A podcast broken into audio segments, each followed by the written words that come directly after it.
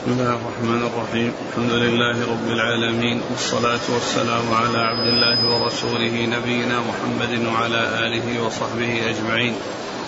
أما بعد فيقول الإمام الحافظ أبو عبد الله بن ماجه القزويني رحمه الله تعالى يقول في سننه باب الائتدام بالخل. قال حدثنا أحمد بن أبي الحواري قال حدثنا مروان بن محمد قال حدثنا سليمان بن بلال عن هشام بن عروة عن أبيه عن عائشة رضي الله عنها أنها قالت قال رسول الله صلى الله عليه وعلى آله وسلم نعم الإدام الخل. بسم الله الرحمن الرحيم الحمد لله رب العالمين وصلى الله وسلم وبارك على عبده ورسوله نبينا محمد وعلى آله وأصحابه أجمعين.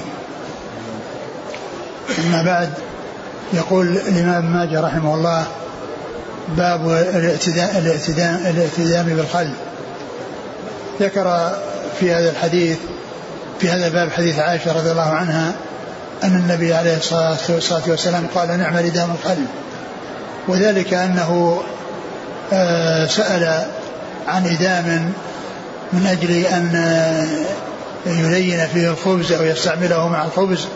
فقالوا إنهم ليس عندهم إلا إلا خل فقال نعم الإدام الخل نعم الإدام الخل يعني أن الخل الذي هو الحصول عليه سهل وفائدته كبيرة من أجل أنه يلين به الخبز ويستساغ به أكل الخبز ففائدته كبيرة ومنفعته عظيمة مع أنه من الأمور السهلة ومن الأمور اليسيرة التي لا تكون في الحصول عليها يكون بكلفة ومشقة مثل الاتدام بالمرق من اللحم أو غير ذلك من الأشياء الثمينة.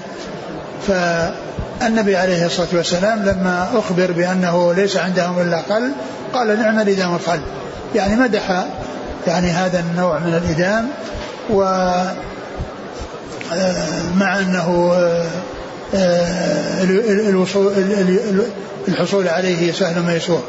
والخل قال في القاموس هو ما ما حمض من آه، من من من عصير العنب وغيره. ما حمض من عصير العنب وغيره. فبين عليه الصلاة والسلام في هذا الحديث المدح لهذا النوع من آه، الأدم وأنه وأثنى عليه بقوله صلى الله عليه وسلم نعم الإدام الخل نعم. قال حدثنا أحمد بن أبي الحواري. ثقة أخرج له. أبو داود بن ماجه. نعم. عن مروان بن محمد. وهو ثقة أخرج له مسلم وأصحاب السنن. نعم. عن سليمان بن بلال. ثقة أخرج أصحاب الكتب. عن هشام بن عروة. ثقة أخرج أصحاب الكتب. عن أبيه عن عائشة. أبو عروة بن الزبير. ثقة فقيه أخرج أصحاب الكتب.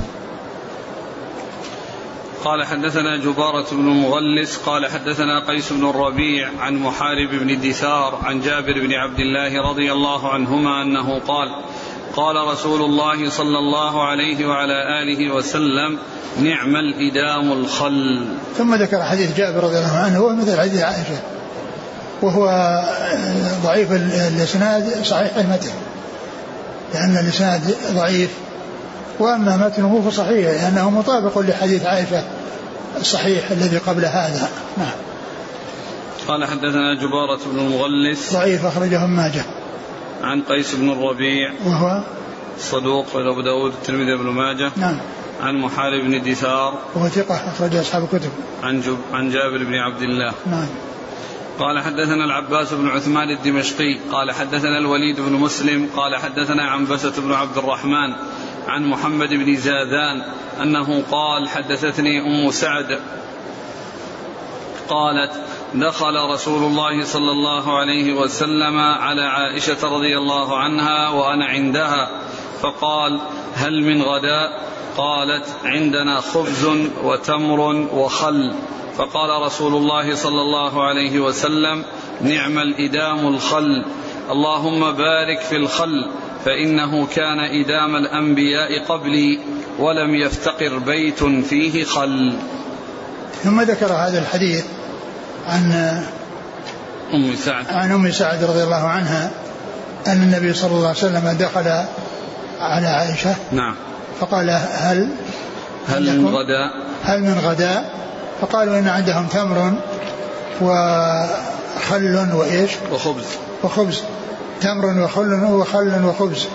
فقال عليه الصلاة والسلام نعم الإدام الخل. قال نعم الإدام الخل. وهذا مطابق للحديثين السابقين. نعم الإدام الخل.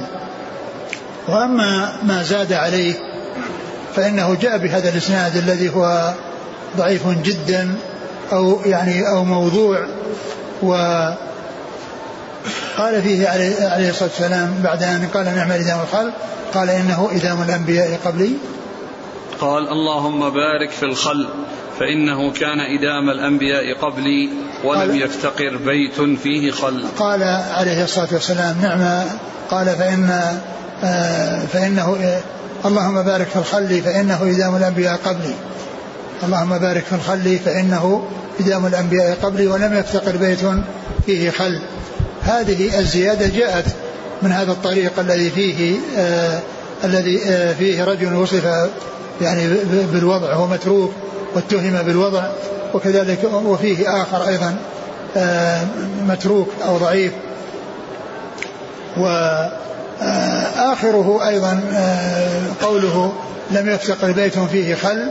أيضا هذا منكر يعني من حيث المعنى لأن لأن الخل وحده لا يستفاد منه إلا مع وجود الخبز إلا مع وجود الخبز الذي يؤتدم به. أما لو إنسان صار عنده خل وليس عنده خبز فإنه يفتقر ولا يكون عنده شيء يأكله ويستسيغه لأن الخل مشروب وليس بمأكول ولكنه يكون مأكولا إذا وجد الخبز. ثم غمس فيه فأكل الإنسان الخبز الذي أشرب بالخل فيكون فيكون مأكولا.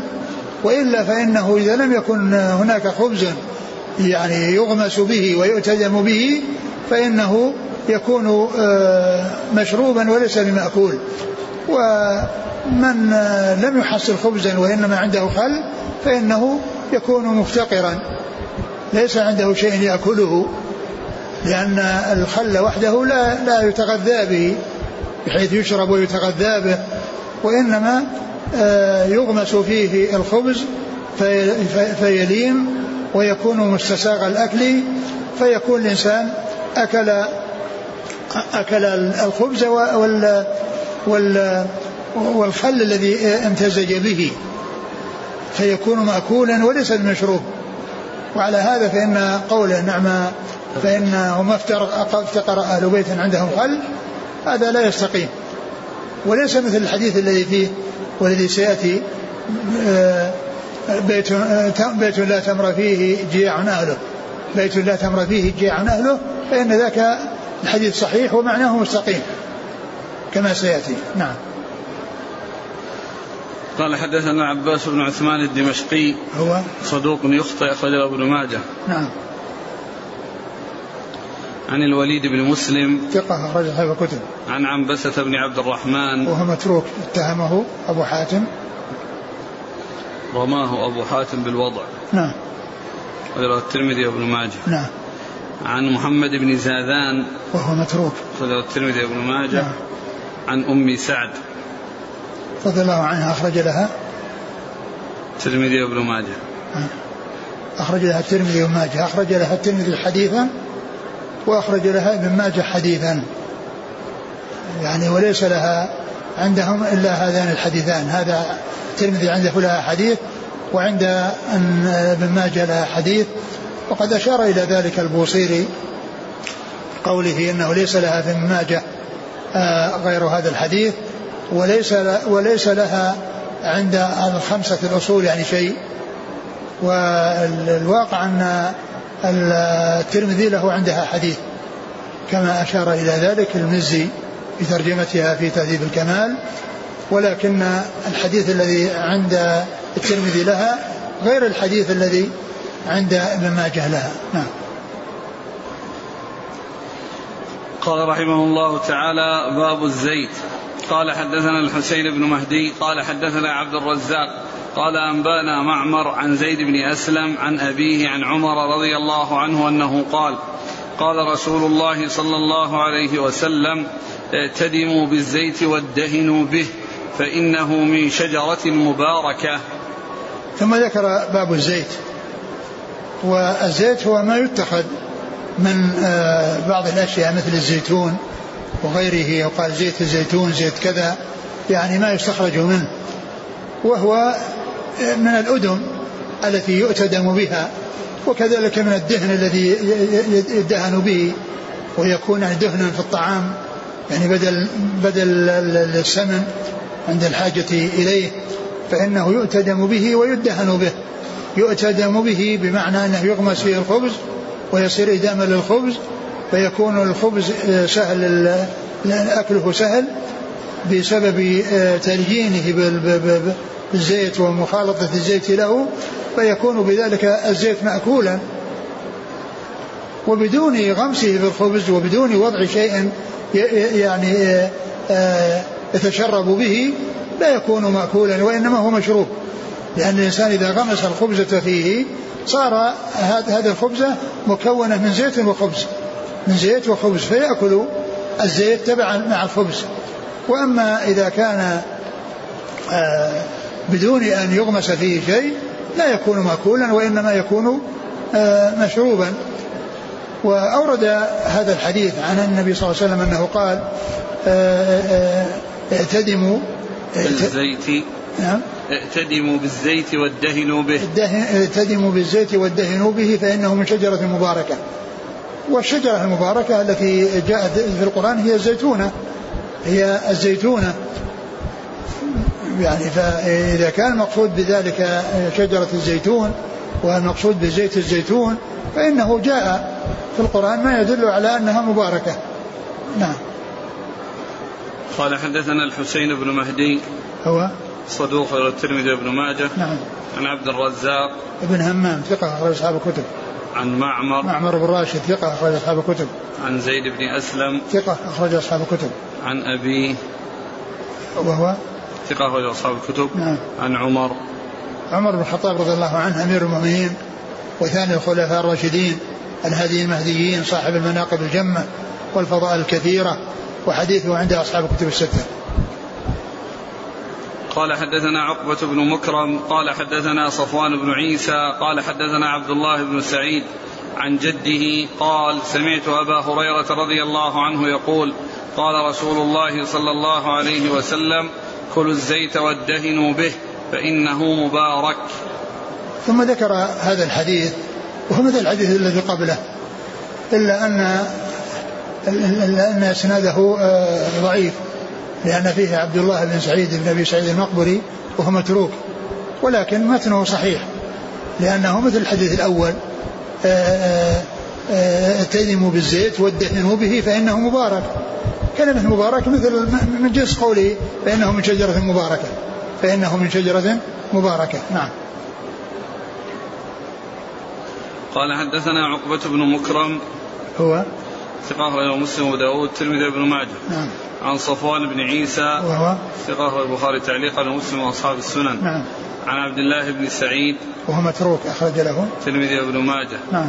عن جده. آه، عن جده أبو سعيد وهو ثقة أخرج أصحاب الكتب. عن أبي هريرة. نعم. قال رحمه الله تعالى باب اللبن. قال حدثنا أبو كريب قال حدثنا زيد بن الحباب عن جعفر بن برد الراسبي. قال حدثتني مولاتي أم سالم الراسبية قالت سمعت عائشة رضي الله عنها تقول كان رسول الله صلى الله عليه وسلم إذا أتي بلبن قال بركة أو بركتان. ثم ذكر باب اللبن. ورد في هذا الحديث عن عائشة رضي الله عنها أن النبي صلى الله عليه وسلم كان إذا أتي باللبن قال بركة أو بركتان. يعني أنه آه أن فيه بركة أو بركتان. وقوله أو بركتان إما أن يكون شك من الراوي في أنه قال بركة أو قال بركتان أو أنه بمعنى آه، بمعنى الإضراب من البركة إلى البركتين. أي بل بركتان. بركة بل بركتان. فيكون من جنس قوله عز وجل ثم قست قلوبكم من بعد ذلك فهي كالحجارة أو أشد قسوة. أي بل أشد قسوة. وقوله أرسلناه إلى مئة ألف أو يزيدون. أي بل يزيدون. فهو محتمل أن يكون آه، أن تكون أو للشك أو تكون الإضراب بمعنى بل. وهذا فيه بيان آه، يدل على فضل آه، اللبن ومدحه. نعم. قال حدثنا أبو كريب. محمد بن علاء بن كريب ثقة أخرج أصحاب الكتب. عن زيد بن الحباب. وهو صدوق أخرج أصحاب الكتب. عن جعفر بن برد الراسبي. وهو زيد بن الحباب لا. زيد بن الحباب وهو صدوق أخرج صدوق البخاري القراءة ومسلم وأصحاب السنن نعم. عن جعفر بن برد الراسبي. وهو؟ مقبول أخرجه ابن ماجه. نعم. عن مولاته أم سالم. وهي؟ مقبول أخرجه ابن ماجه. نعم. عن عائشة. نعم. يقول رواه أبو داود الطيالسي عن جعفر بن برد بلفظ قال رسول الله قال رسول الله صلى الله عليه وسلم لرجل كم في بيتك من بركة؟ يعني شاه أو شاتين. ألا يكون تفسير؟ ما أدري يعني الإسناد هو نفسه ولا ولا اسناد اخر يقول البوصيري قلت أم سالم الراسبية وجعفر بن برد لم ارى من تكلم فيهما لا بجرح ولا بتوثيق. وباقي رجال الإسناد ثقات. رواه أبو داود الطيالسي في مسنده عن جعفر بن برد. به. بلفظ قال رسول الله صلى الله عليه وسلم لرجل كم في بيتك من بركة؟ يعني شاه أو شاتين. آه، إذا كان يعني بهذا اللفظ فيمكن أن يكون المقصود به لأن هناك ذكر اللبن ومن ومن المعلوم أن اللبن الذي يكون من شاة واحدة يعني هو بركة وإذا كان من شاتين فإنه يكون أكثر ويكون مضاعف فيكون بركتان لأن الحديث جاء باللبن ومن المعلوم أن اللبن يأتي من الشياه ومن غير الشياه. فيكون يعني معنى ذلك آآ آه، آآ آه، أنه آه، أنه بركة يعني من ناحية أنها يحصل من شاة واحدة أو بركتان لكونه يحصل من إيش؟ من شاتين. قال حدثنا هشام بن عمار قال حدثنا إسماعيل بن عياش قال حدثنا ابن جريج عن ابن شهاب عن عبيد الله بن عبد الله بن عتبة عن ابن عباس رضي الله عنهما أنه قال قال رسول الله صلى الله عليه وسلم من أطعمه الله طعاما فليقل اللهم بارك لنا فيه وارزقنا خيرا منه ومن سقاه الله لبنا فليقل اللهم بارك لنا فيه وزدنا منه فإني لا أعلم ما يجزئ من الطعام والشراب إلا اللبن. ثم ذكر هذا الحديث في آه، فضل اللبن وعظم شأنه وأن النبي عليه الصلاة والسلام وذلك أن النبي صلى الله عليه وسلم قال من أوتي بطعام فليقول اللهم بارك لنا فيه وارزقنا خيرا منه. اللهم بارك لنا فيه وارزقنا خيرا منه. وإذا أوتي بلبن قال اللهم بارك لنا فيه وزدنا منه. وزدنا منه. يعني هذا يدل على تمييزه على غيره. وذلك أن أن, أن أنه آه أي اللبن آه هو الذي يجزي عن عن الطعام والشراب. يجزي عن الطعام عن الطعام والشراب يعني. أنه قال لا أعلم ما يجزي من الطعام والشراب نعم. إلا اللبن. ما يجزي عن الطعام والشراب لأنه هو غذاء. فيجزي عن الطعام وهو أيضا نفسه شراب مشروب. فيكون يعني آه، اجتمع فيه الأمران وأنه يعني يغني عن الطعام والشراب يعني يغني عن الشراب لأن الإنسان إذا شربه يكون آه، يعني شرب اللبن كما يشرب الماء وأيضا يكون تغذى بالغذاء الذي يقوم مقام الطعام ويغني عن الطعام فهو غذاء وهو يعني أيضا شراب مع كونه غذاء وكونه بمنزلة الطعام. و وكون النبي صلى الله عليه وسلم يعني غير من الأطعمة يقول وارزقنا خيرا منه يعني يدل على أن أن أن, أن على أن أن, أن غيره دونه لأن غيره دونه دون اللبن لأن اللبن كان عليه يقول وزدنا منه ما يقول وارزقنا خيرا منه يعني يدل على خيريته وعلى تميزه على غيره قال وارزقنا خيرا خيرا منه وارزقنا وزدنا منه ثم هذا الحديث في إسناده ابن جريج وقد روى بالعنعنة ولكنه جاء من طريق أخرى عند أبي داود وعند الترمذي وفيها علي بن زيد بن جدعان فيكون آه، آه، آه، يعني أحد وهو أيضا من طريق عن عائشة الحديث عن عن من هو؟ الحديث عن من عندنا؟ عن ابن عباس. عن ابن عباس. جاء عن عائشة يعني فيكون الحديث يقوي بعضهما بعضا. ثم إن أنه جاء عن النبي عليه الصلاة والسلام في حديث صحيح يعني أن أنه قال رأيته في المنام كأني آه، أتيت بلبن فشربت منه حتى رويت وحتى رأيت الري يمشي أو على اظفاري فبقي فضله فناولتها عمر. قيل بما أولت ذلك يا رسول الله؟ قال العلم. قال العلم. وقد جاء في القرآن أن الله عز وجل قال لنبيه وقل ربي زدني علما. وقل ربي زدني علما. قال ابن حجر ولم يأمر الله نبيه عليه الصلاة والسلام أن يطلب المزيد إلا من العلم. ف فالآية تدل على فضل العلم وعلى طلب المزيد منه والحديث يدل على فضل اللبن وطلب المزيد منه والنبي صلى الله عليه وسلم فسر اللبن بالعلم وكل منها يطلب المزيد منه. هذا يطلب منه المزيد في الكتاب وهذا يطلب منه المزيد في السنة. والحديث الذي في تفسير ال ال ال الرؤيا اللبن بالعلم جاء في آه، الصحيحين أو أحدهما. نعم. قال حدثنا هشام بن عمار. صدوق خرج البخاري وأصحاب السنة. عن إسماعيل بن عياش. ثقة آه، صدوق آه، صدوق يعني في رواية عن غير الشاميين كلام وهنا من رواية عن غير الشاميين وهو ابن جريج وهو مكي. ولكن كما قلت الحديث الطريقة الثانية والحديث الثاني اللي عن الذي عن عائشة وفيه علي بن زيد بن جدعان يعني هذا يقوي هذا. نعم. أخرج البخاري رفع اليدين وأصحاب السنن. نعم وابن جريج ثقة أخرج أصحاب الكتب. عن ابن شهاب. محمد بن مسلم عبيد الله بن شهاب ثقة أخرج أصحاب الكتب.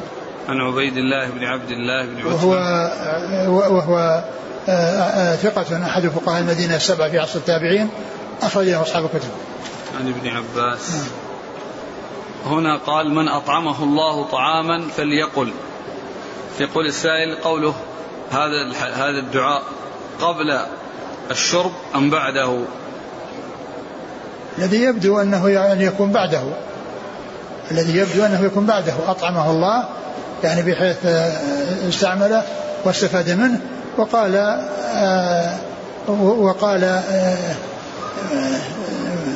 واتنا بخير منه وارزقنا خيرا وارزقنا خيرا منه. نعم. المقصود هنا باب اللبن. المراد اللبن الحالي أو المراد الحليب؟ معلوم ان ان ان اللبن الحليب يطلق عليه لبن. يعني مثل ما يقال أن الذي يرضع يرضع اللبن. يعني الطفل عندما يرضع من أمه يرضع اللبن. مع أنه يعني يقال له حليب. إلا أن الحليب اللبن يطلق اطلاقا خاصا على المخيض والمخيض لا يقال له حليب ولكن كل منهما يقال له حليب. وإذا كان مخيضا فهو يقال له حليب ويقال له مخيط نعم. ويقال له لبن اللي هو مخيط نعم. قوله لا أعلم ما يجزئ من الطعام والشراب إلا اللبن. نعم. يقول السائل أليس ماء زمزم يجزئ أيضا عن الطعام والشراب؟ نعم ماء زمزم يعني شيء خاص. أقول شيء خاص يعني وأما هذا يعني شيء عام يوجد في كل مكان. نعم.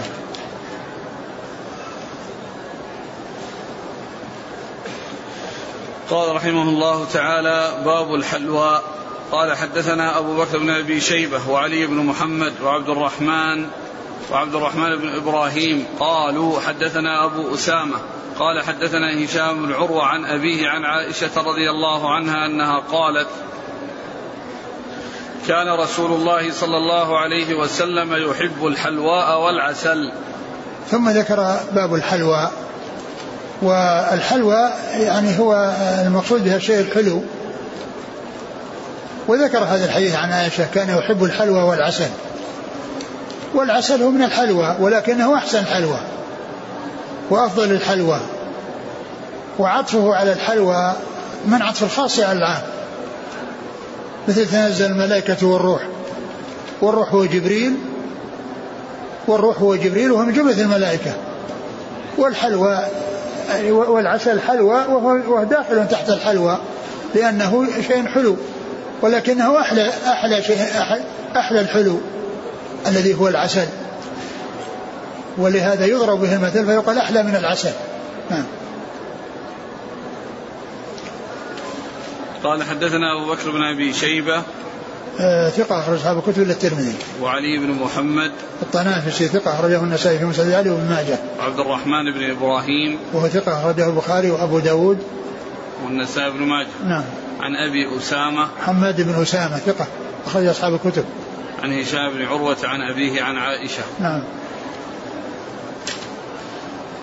قال رحمه الله تعالى باب القثاء والرطب يجمعان قال حدثنا محمد بن عبد الله بن نمير قال حدثنا يونس بن بكير قال حدثنا هشام بن عروة عن أبيه عن عائشة رضي الله عنها أنها قالت كانت أمي تعالجني للسمنة تريد أن تدخلني على رسول الله صلى الله عليه وسلم فما استقام لها ذلك حتى أكلت القثاء بالرطب فسمنت كأحسن سمنة. ثم ذكر باب القثاء والرطب يجمعان. يعني يؤكلان معا.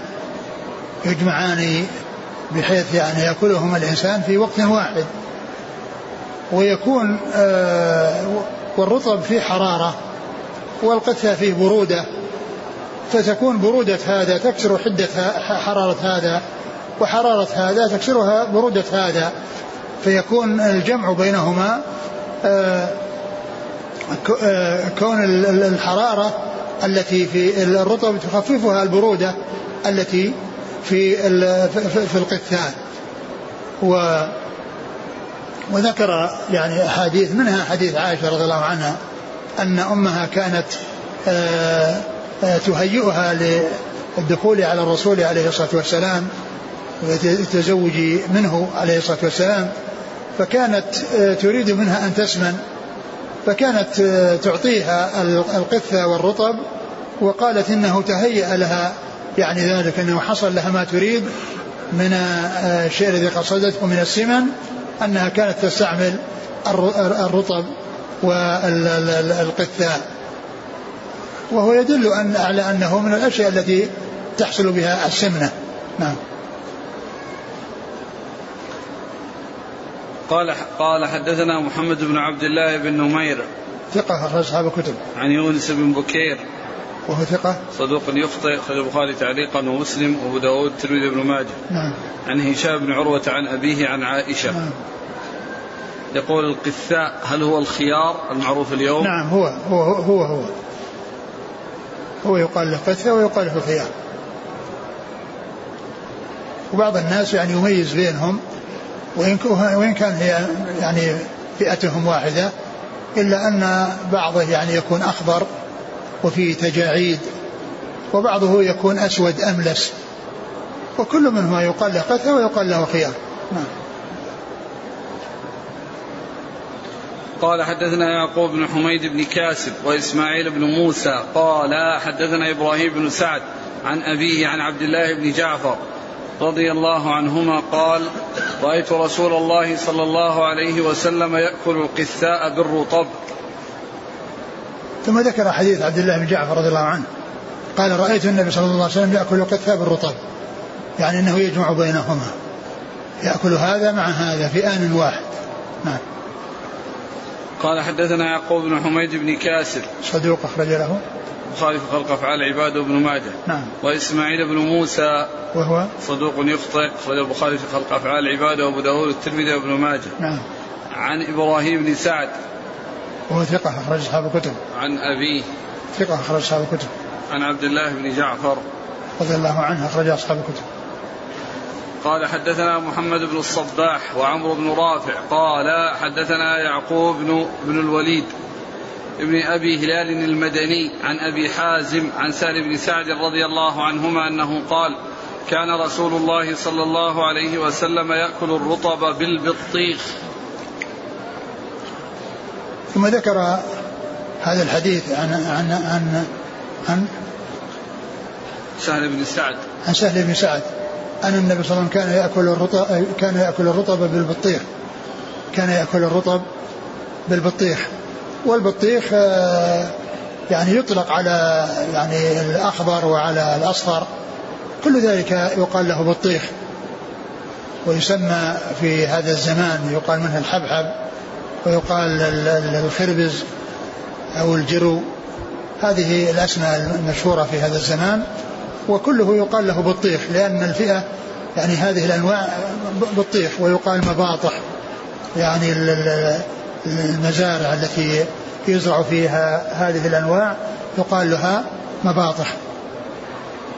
نعم. وقال كان يأكل الرطب بالبطيخ. يأكل الرطب بالبطيخ. يعني هناك يأكل الرطب بال بالقثة وهنا يأكل الرطب بالبطيخ.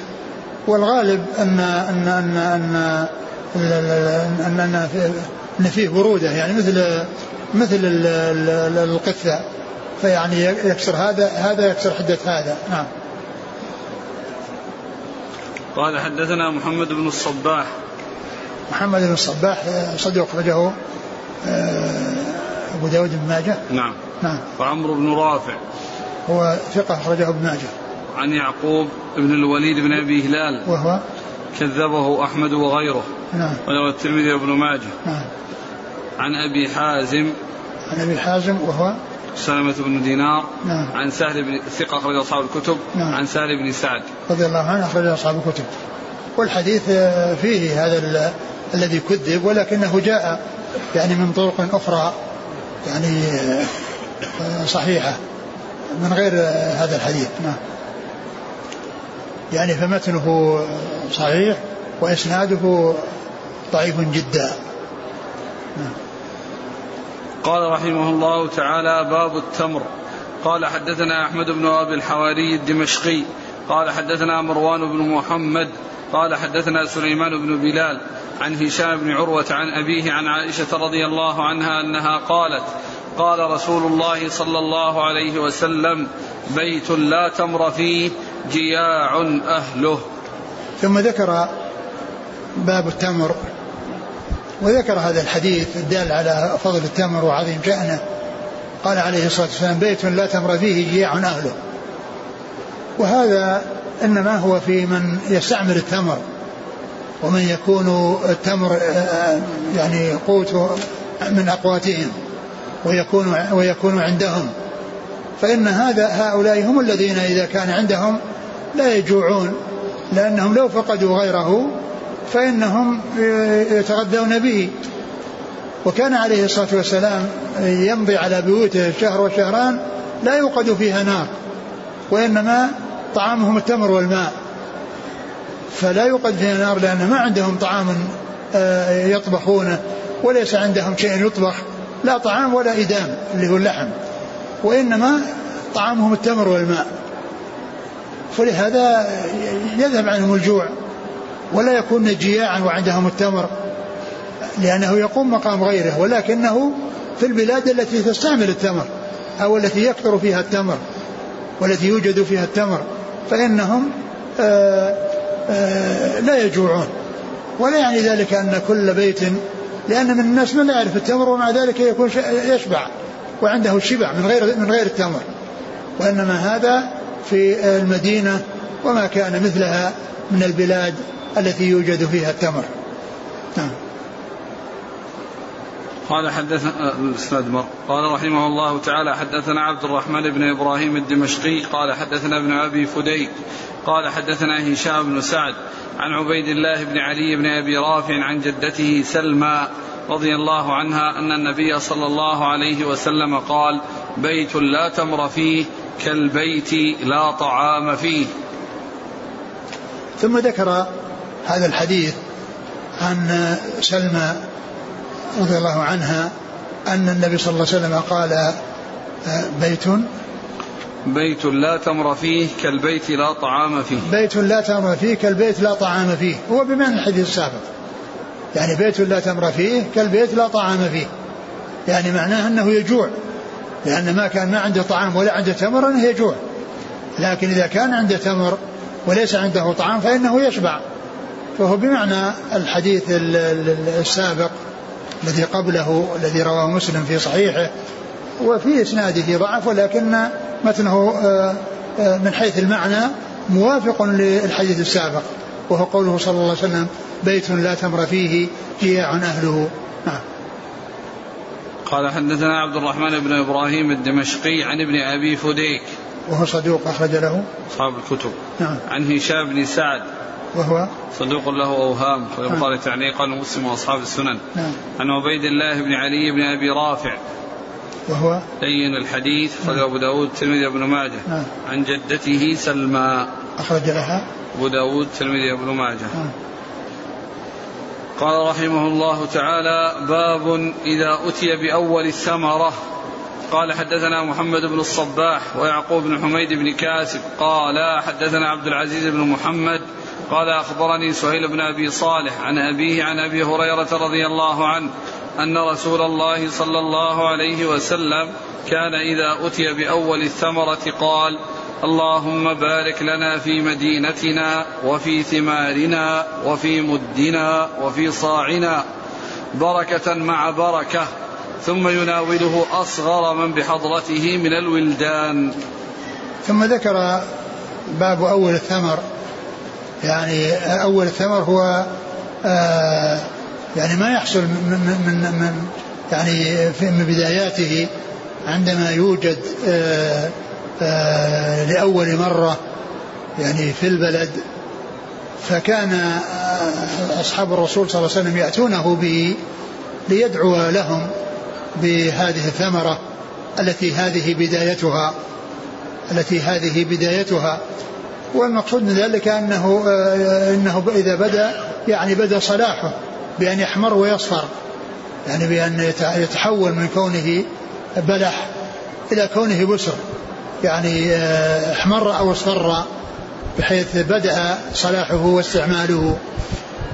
فكانوا يأتون به بهذه العينة التي آه، في أول ما يبدو صلاحا من الثمر يأتون به ليدعوا آه، لهم بثمارهم. فكان إذا أتوا به قال اللهم بارك لنا في مدينتنا وبارك لنا في ثمر في, في ثمارنا وبارك لنا في مدنا وبارك لنا في صاعنا.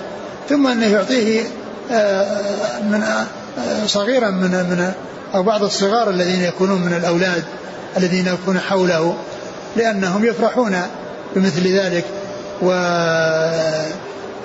ويسرون به فيعطيهم إياه ليأكلوه.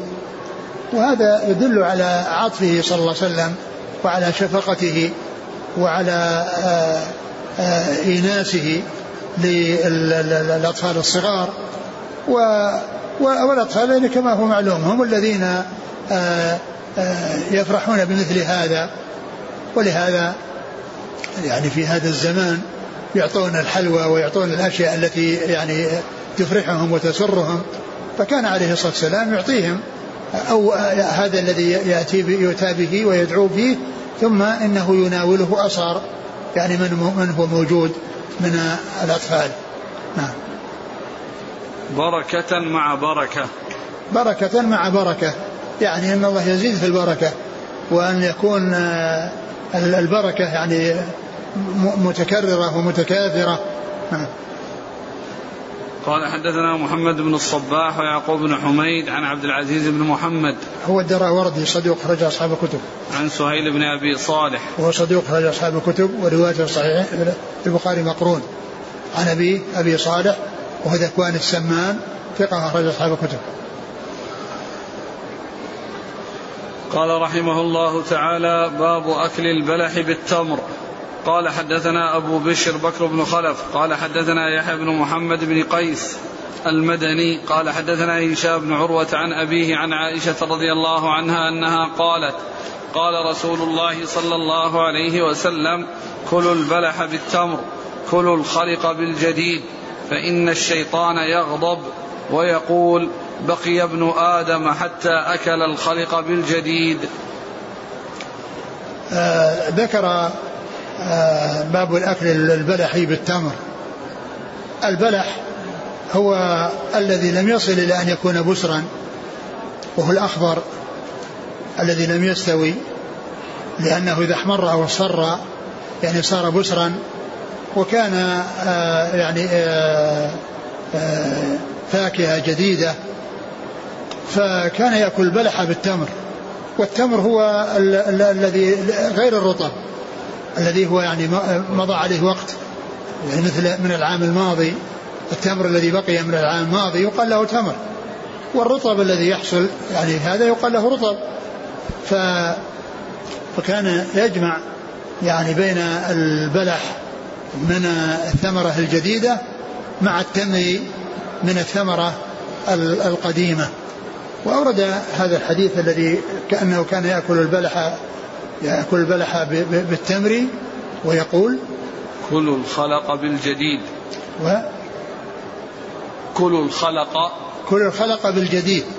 الخلق الذي هو تمر العام الماضي والجديد الذي هو هذا البلح الذي هو من ثمرة هذه السنة. قال فإن الشيطان يغضب ويقول نعم. عاش ابن آدم حتى أكل القديم الخلق مع مع مع الجديد. أكل الخلق الذي هو التمر القديم الذي من العام الماضي والبلح الجديد الذي هو من من من هذه السنة. والحديث والحديث ضعيف غير صحيح ضعيف جدا. نعم. قال حدثنا أبو بشر بكر بن خلف. هو؟ صدوق البخاري تعليقا وأبو داود بن ماجه. نعم. عن يحيى بن محمد بن قيس. وهو؟ صدوق يخطئ كثيرا. نعم. البخاري في المفرد ومسلم وأبو داود في المراسيل نعم. والترمذي والنسائي بن ماجه. نعم. عن هشام بن عروة عن أبيه عن عائشة. نعم. والله تعالى أعلم وصلى الله وسلم وبارك على عبده ورسوله نبينا محمد وعلى آله وأصحابه أجمعين. جزاكم الله خيرا وبارك الله فيكم. ألهمكم الله الصواب ووفقكم للحق ونفعنا الله بما سمعنا غفر الله لنا ولكم وللمسلمين أجمعين. آمين. يقول السائل هل هذا الدعاء لأول الثمر خاص بالنبي صلى الله عليه وسلم أم يشرع لغيره؟ الأصل أن أنهم كانوا يفعلون ذلك مع النبي صلى الله عليه وسلم. وهو الذي آه، يعني دعاؤه مستجاب. والناس إذا دعوا بأن الله يبارك لهم في طعامهم يعني لهم ذلك. لكن هذا اللفظ يبارك لنا في كذا بارك لنا في كذا مدينتنا وفي صاعنا وفي مدنا هذا دعاء الرسول عليه الصلاة والسلام. والإنسان إذا دعا الله عز وجل أن يبارك لهم في ثمارهم وأن يجعل فيها الخير والبركة آه، له ذلك. يقول هل يجوز زيارة مكان فيه قبر من أجل معرفة ما يفعل فيه من شرك؟ نعم يجوز. يعني حتى يرى ويشاهد ويتكلم على بصيرة وعن مشاهدة لا بأس بذلك. لكن يعني أقول يرى يعني مجرد رؤية وما يحصل فيه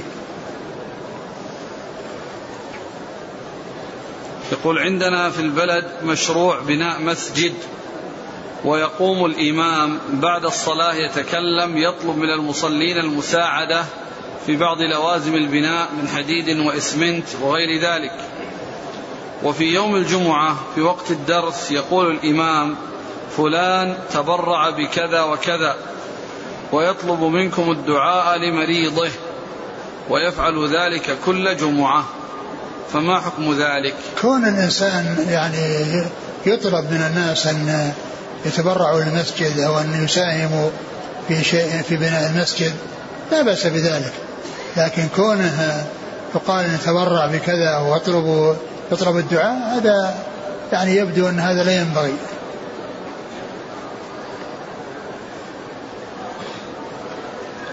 يقول أنا مقيم في أوروبا يوما ركبت سيارة وفي أثناء الطريق جاءت سيارة أخرى فصدمت التي أنا فيها. تأمين السيارة الثانية تدفع لكل راكب حصل له ضرر مبلغا معينا على حسب الضرر. فهل يجوز أخذ هذا المبلغ؟ الإنسان إذا إذا أخطأ عليه إنسان وكان ذلك الخطأ يترتب عليه حصول الحق يترتب عليه حصول الحق يعني عليه في مقابل يعني هذا الضرر الذي أصابه له أن يأخذ هذا الضرر. لكن شركات التأمين وما يحصل في شركات التأمين لا شك أن هذا يعني غير صحيح وغير جائز لأنه مبني على غرر مبني على غرر. و لكن الإنسان الذي الذي دفع شيئا لشركات التأمين وهو ملزم بذلك ومن غير اختياره إذا أخذ مقابل ما دفعه إذا أخذ مقابل ما دفعه فإنه لا بأس بذلك. إذا أخذ مقدار ما دفعه يعني ليس أكثر من ذلك. نعم. يقول هل في الزيت زكاة؟ الدين؟ الزيت زكاة لا لا زكاة فيه وكذلك في أصله الزيتون. وكذلك لا زكاة في الزيتون. لأن الخضروات والفواكه هذه لا زكاة فيها. هناك من يدهن جسده بالزيت استدلالا بهذا الحديث. فهل هذا صحيح؟ المقصود بالادهان مو ادهان الجسد. الدهان يعني يتخذون دهن يطبخون به. بدل السمن يجعلونه مع الطعام. وإذا كان إنه يعني يعني يعني دهن رأسه لا بأس اما كونه يدهن جسده كله ويطلق جسده لهذا الحديث. الحديث ما يدل على هذا. اللهم إلا إذا كان في علاج أو يعني شيء يعني فيه مصلحة تترتب على ذلك بكونه يعني يفيد في علاج فإنه يجوز من أجل هذا الذي يستعمل من أجله. نعم. يقول آه، أبي عنده سلس بول ويأخذ بالرخصة لنفسه فيصلي جميع الصلوات الخمس في البيت إلا صلاة الجمعة يصليها مع الجماعة هل فعله صحيح؟ لا ليس ليس فعله صحيح وإنما عليه أن يتوضأ عند دخول الوقت ويذهب المسجد ويعمل شيء يحجب أو يمنع تساقط يعني البول يعني في الأرض أو على ثيابه. وليس له أن يتخلف عن صلاة الجماعة من أجل أن معه سلس بول وإنما يتوضأ عند دخول الوقت ويأتي المسجد ويعمل شيء يمنع خروج يعني هذا البول على ثيابه أو على جسده أو يتساقط في الأرض.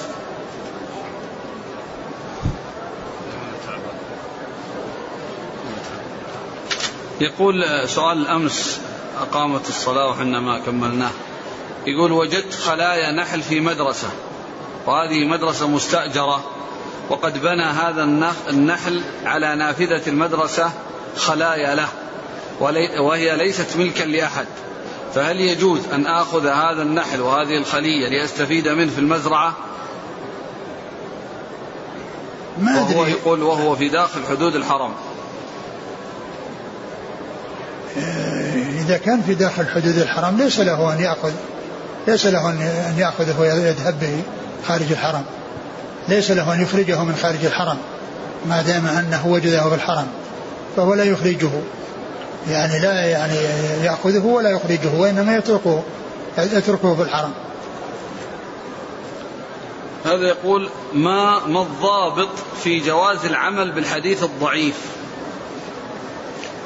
إذا كان ضعفه يسيرا يعني كأن يكون يعني لسوء حفظ أو أو لحصول تدليس.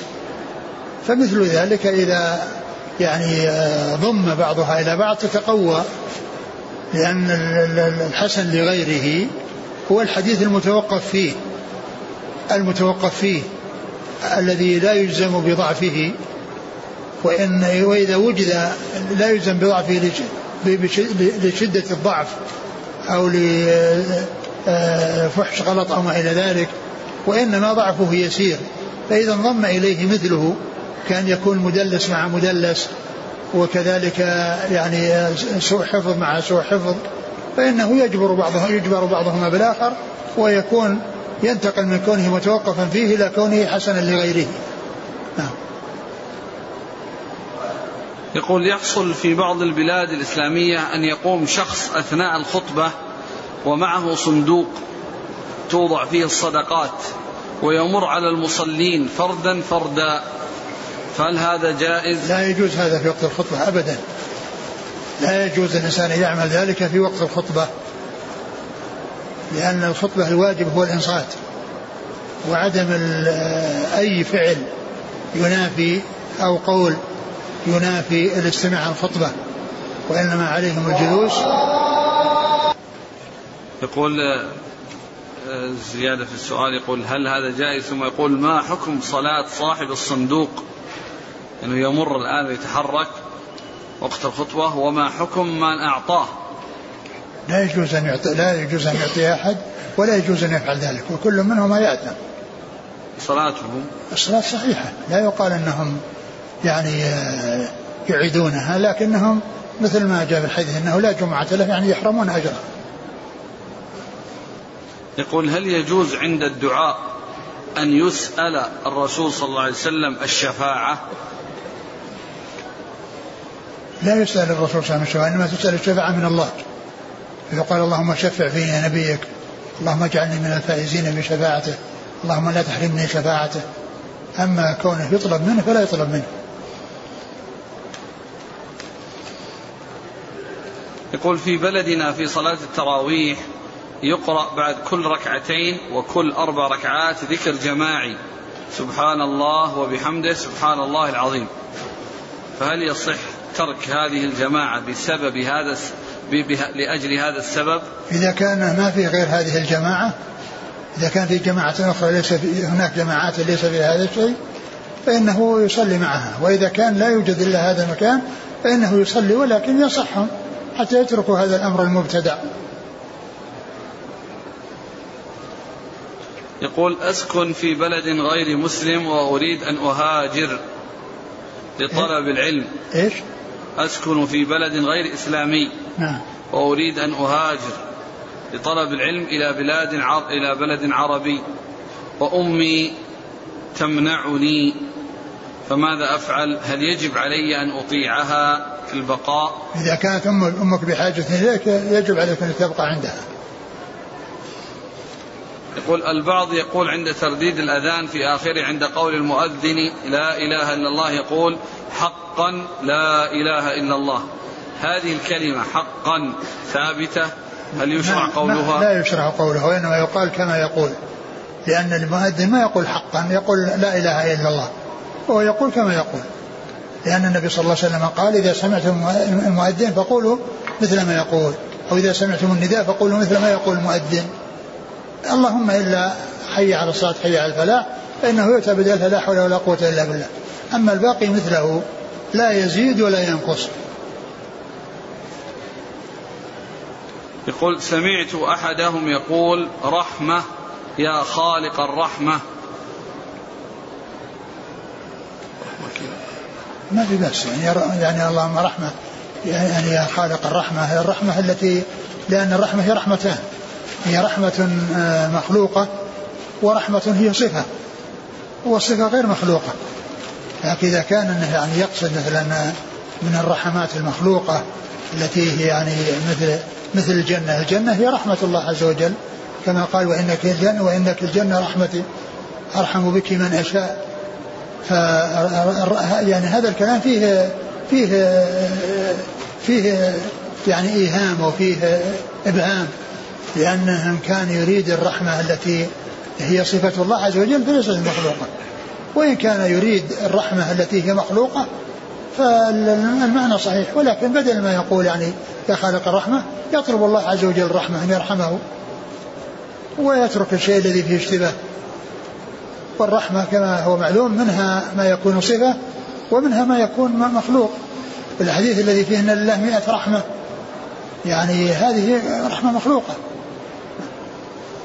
والجنة رحمة كما جاء في الحديث إنك النار عذابي يعذب بك شاء وإنك الجنة رحمتي أرحم بك من أشاء.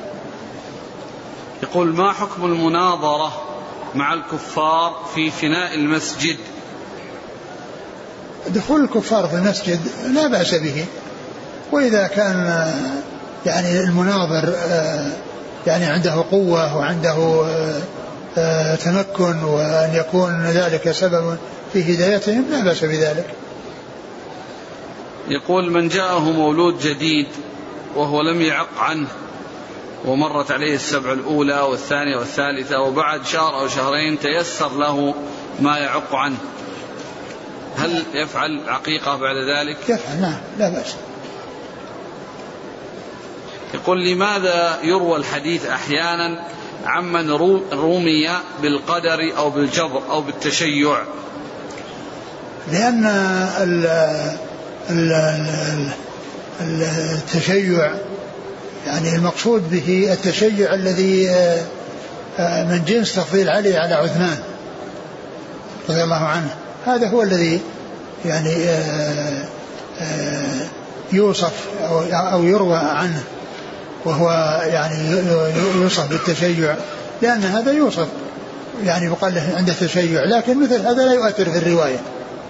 ولهذا يعني ذكر شيخ الإسلام أن هذه ليست المسائل اللي يبدع فيها يعني تفضيل على علي, علي على عثمان وإنما التي يبدع فيها تفضيله عليه بالخلافة وأنه أولى منه. لأن من فضله عليه بالخلافة أجرى بالمهاجرين والأنصار الذين قدموا عليا قدموا عثمان على علي رضي الله عنه. ف فال ال... ال... من كان عنده يعني شيء من البدع وبدعة يعني لا لا تؤثر على الرواية وقد تكون يعني لها معنى خاص مثل ما ما ذكرت. أن التشيع المقصود به تفضيل علي على عثمان. قد وهذا موجود عند بعض العلماء وإن كان استقر الأمر عند أهل السنة على أن عثمان أفضل من علي كما أنه أولى منه بالخلافة. ف ذكر الذهبي في ترجمة عبد الرحمن بن أبي حاتم في الميزان وهو إمام ابن إمام. عبد الرحمن بن أبي حاتم الرازي إمام ابن إمام. وقد ذكر في ترجمته أن قال إنما أوردته في كتاب الميزان لا لقدح فيه ولكن ليدافع عنه. لأنه يذكر في أحيانا في الميزان ناس ليسوا بوعاء ثقات ولكن قدح فيهم فيريدهم من أجل الدفاع عنهم. قال ذكره أبو الفضل السليماني في كتابه الضعفاء لأنه قدم عليا على عثمان. فبئس ما صنع. فبئس ما صنع. يعني يكون يدخل في الضعفاء من أجل هذا الأمر. فالتشيع الذي من جنس هذا القبيل لا يؤثر. جزاكم الله خيرا. سبحانك اللهم وبحمدك أشهد أن لا إله إلا أنت